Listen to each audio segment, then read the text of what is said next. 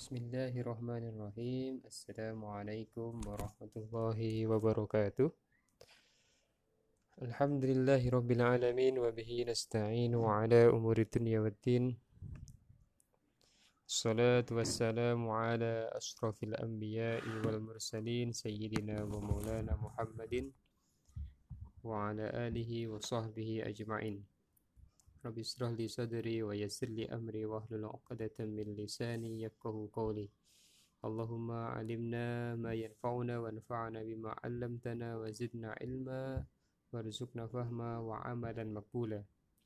Alhamdulillah teman-teman yang berbahagia di kesempatan pagi hari ini setelah beberapa pertemuan saya memberikan beberapa materi eh, baik materi berkaitan dengan ulumul Quran atau studi Quran ataupun beberapa poin-poin penting dalam ulumul hadis atau studi hadis.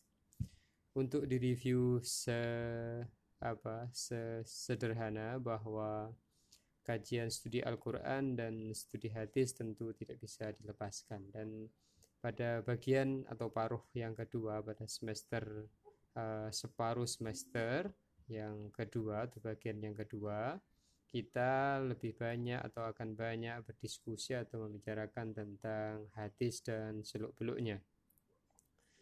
E, pada pertemuan yang lalu, saya memberikan materi seputar kriteria hadis sahih, hasan, dan. Ya. Jadi di kesempatan ini, pada podcast kali ini saya akan bicara paling tidak ada dua tema besar. Pertama tentang kriteria hadis sahih, hasan dan dhaif. Kemudian yang kedua akan berbicara tentang eh, ragam atau macam-macam hadis ditinjau dari aspek eh, jumlah perawinya.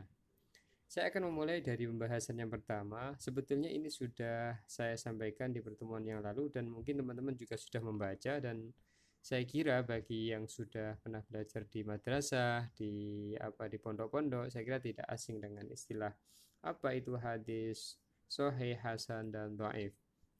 Saya sengaja memasukkan materi ini pada pembahasan awal, tidak sebagaimana eh, apa materi-materi ulumul hadis oleh uh, oleh dosen-dosen yang lain mungkin karena ini saya kira Eh, menjadi eh, apa menjadi aspek atau menjadi tema penting bagi para pengkaji hadis atau bahkan mungkin orang awam. Jadi kalau kita berbicara hadis pasti yang ditanya dulu atau yang dipahami ini hadisnya dhaif apa hasan apa apa sahih gitu. Jadi ini saya kira penting dan menjadi modal dasar bagi kita semuanya tentang uh, apa sesungguhnya hadis uh, sahih hasan dhaif atau apa sebetulnya kriteria dikatakan sebuah hadis itu sahih hasan dan dhaif. Karena kalau kita berbicara uh, hadis sebagai landasan hukum Islam maka tentu kita tidak bisa melepaskan dari hadis itu bisa diterima atau hadis itu ter tertolak gitu ya. Atau makbul ataupun mardut cukup itu saja. Hanya saja karena kajiannya adalah kajian mustalahul hadis maka biasanya akan lebih rinci dan lebih lebih detail gitu ya. dikatakan sebuah sebuah hadis itu sahih paling tidak memenuhi kriteria apa e, tersambungnya sanat ya kan? Tersambungnya sanat kemudian ada ruwat atau rawinya itu adil rawinya itu kredibel kemudian e, apa uh, ruwat atau memiliki hafalan yang kuat. Kemudian uh, selanjutnya adalah adamul syudu dan adamul illah. Tidak ada nasyad dan tidak ada illah. Tidak ada kejanggalan dan tidak ada keca kecacatan. Yang pertama adalah bahwa dikatakan sebuah, sebuah hadis itu sahih. Bila mana hadis itu tersambung sanatnya dengan kata lain bahwa ketika suatu hadis itu e, sampai kepada kita maka tentu dibawa atau ditransmisikan oleh para perawi-perawi yang jumlahnya tidak sedikit. Untuk mengetahui tersambung atau tidak tersambung, maka kita harus melihat apa betul perawi yang satu ini bertemu dengan gurunya, gurunya dengan gurunya sampai kepada eh, apa masa sahabat yang kita dengar yang kita kenal sebagai rawi rawi a'la atau rawi yang paling paling awal. Dari situlah kita akan mengetahui bahwa apakah hadis itu sanatnya tersambung atau atau tidak. Tentu ada piranti atau alat-alat yang bisa me, me, menjembatani itu, misalkan dengan melihat buku-buku sejarah atau paling mudah adalah dengan apa yang telah disampaikan atau apa yang telah dinukil oleh para ulama-ulama yang mumpuni atau ulama-ulama yang e, menguasai pada bidang padang ini. Tentu kita tanpa melihat buku-buku itu kita tidak bisa kita tidak bisa mengetahui apakah itu tersambung atau tidak tersambung.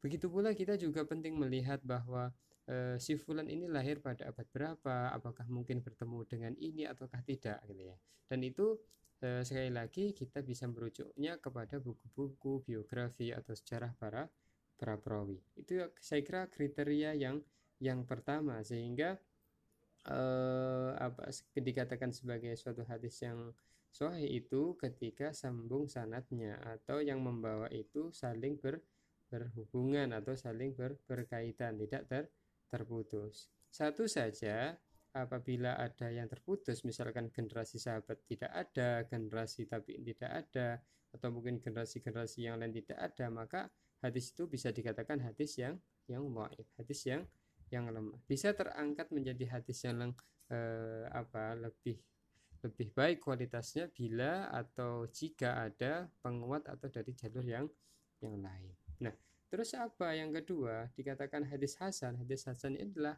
hampir sama dengan hadis sahih, syaratnya lengkap.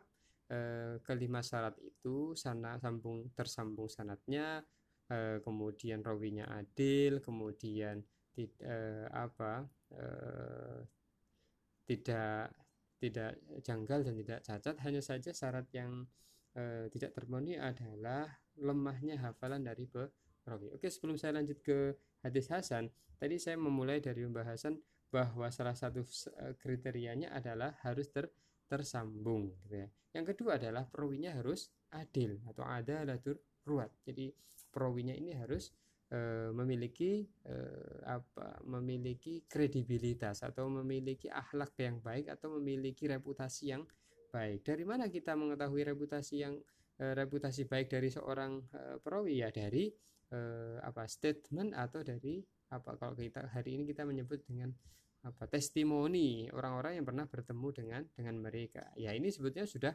banyak ditulis oleh para ulama yang dikumpulkan dalam kitab-kitab rijal atau kitab-kitab para perawi. Atau mungkin juga ditulis pada kitab Al-Jarhu wa Ta'dil yang mana di dalam kitab Al-Jarhu wa Ta'dil itu sudah ada penilaian-penilaian terhadap eh, orang-orang uh, yang uh, meriwayatkan suatu hadis. Tentu level kita adalah menukil apa yang sudah disampaikan oleh para ulama-ulama itu. Belum pada level kita melakukan istihad.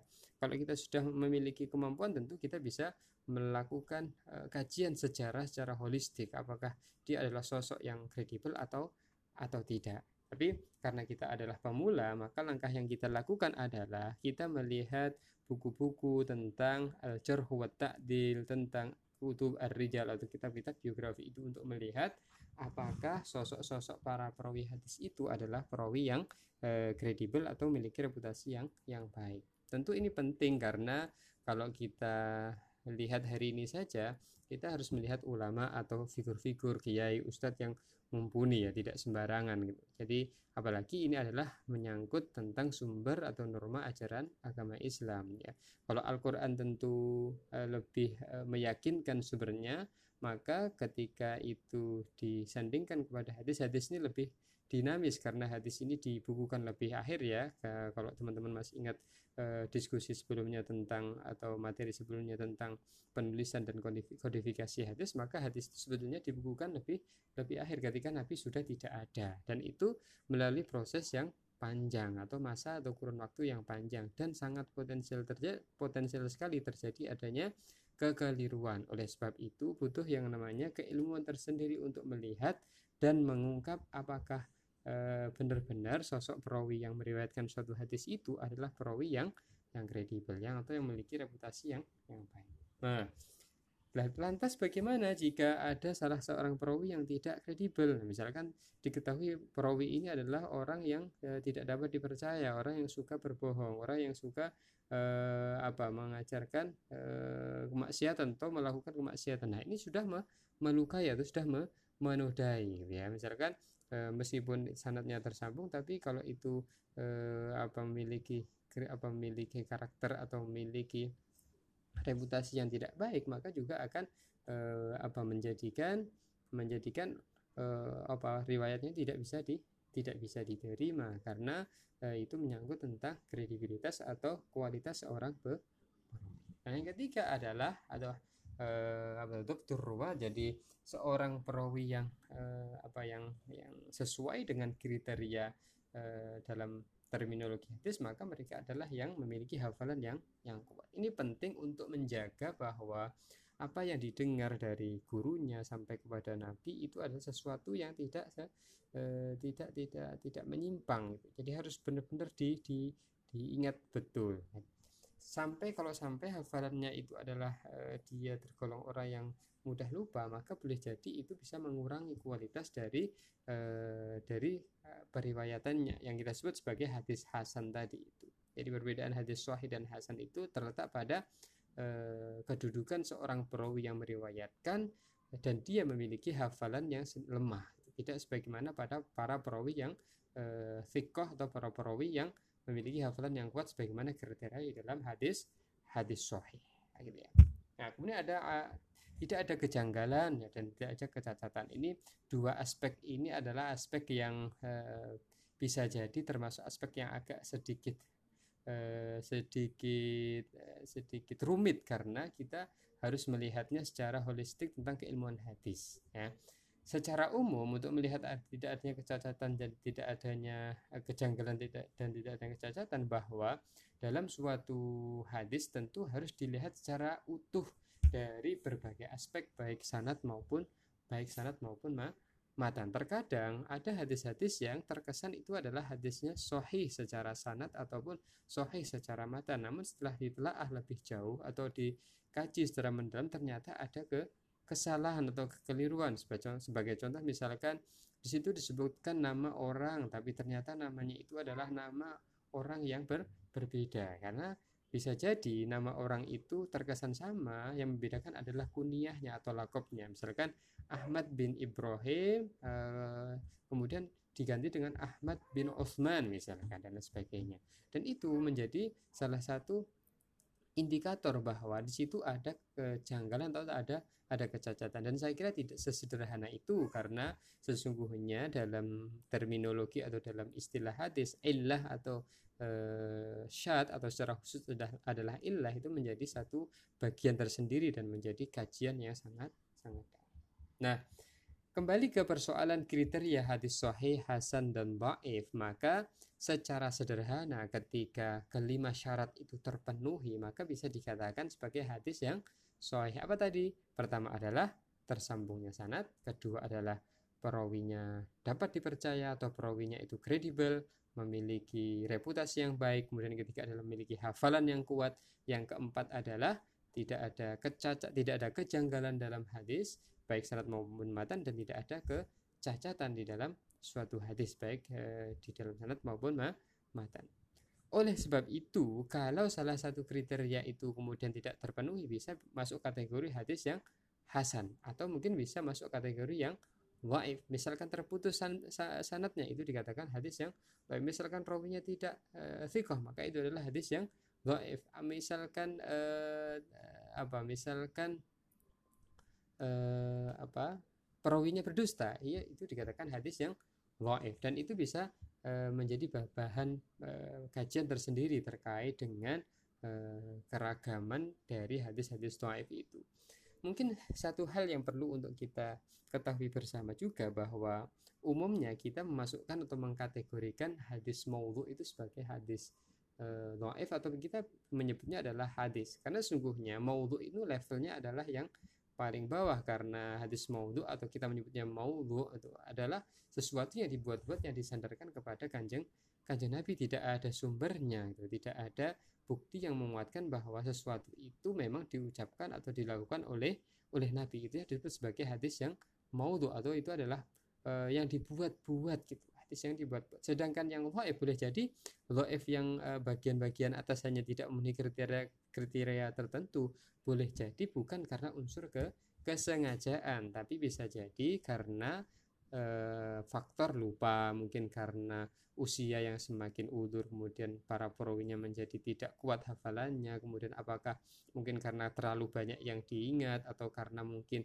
e, ya sang ketika perawi mendengarkan kurang-kurang cermat dan lain sebagainya. Karena saya kira banyak banyak faktor dan tidak hanya faktor kesengajaan yang menjadikan hadis itu menjadi hadis yang Dhaif. Boleh jadi hadis boleh jadi karena tidak kesengajaan juga menjadi hadis itu dhaif. Ya, jika eh, salah salah satu dari kelima kriteria yang disebutkan itu tidak ter, terpenuhi. Saya kira itu secara sederhana dan ini penting karena implikasinya sangat signifikan. Jadi kalau kita kemudian menemukan ada satu atau dua aspek yang tidak terpenuhi dalam suatu hadis, maka itu berimplikasi terhadap diterima atau ditolaknya suatu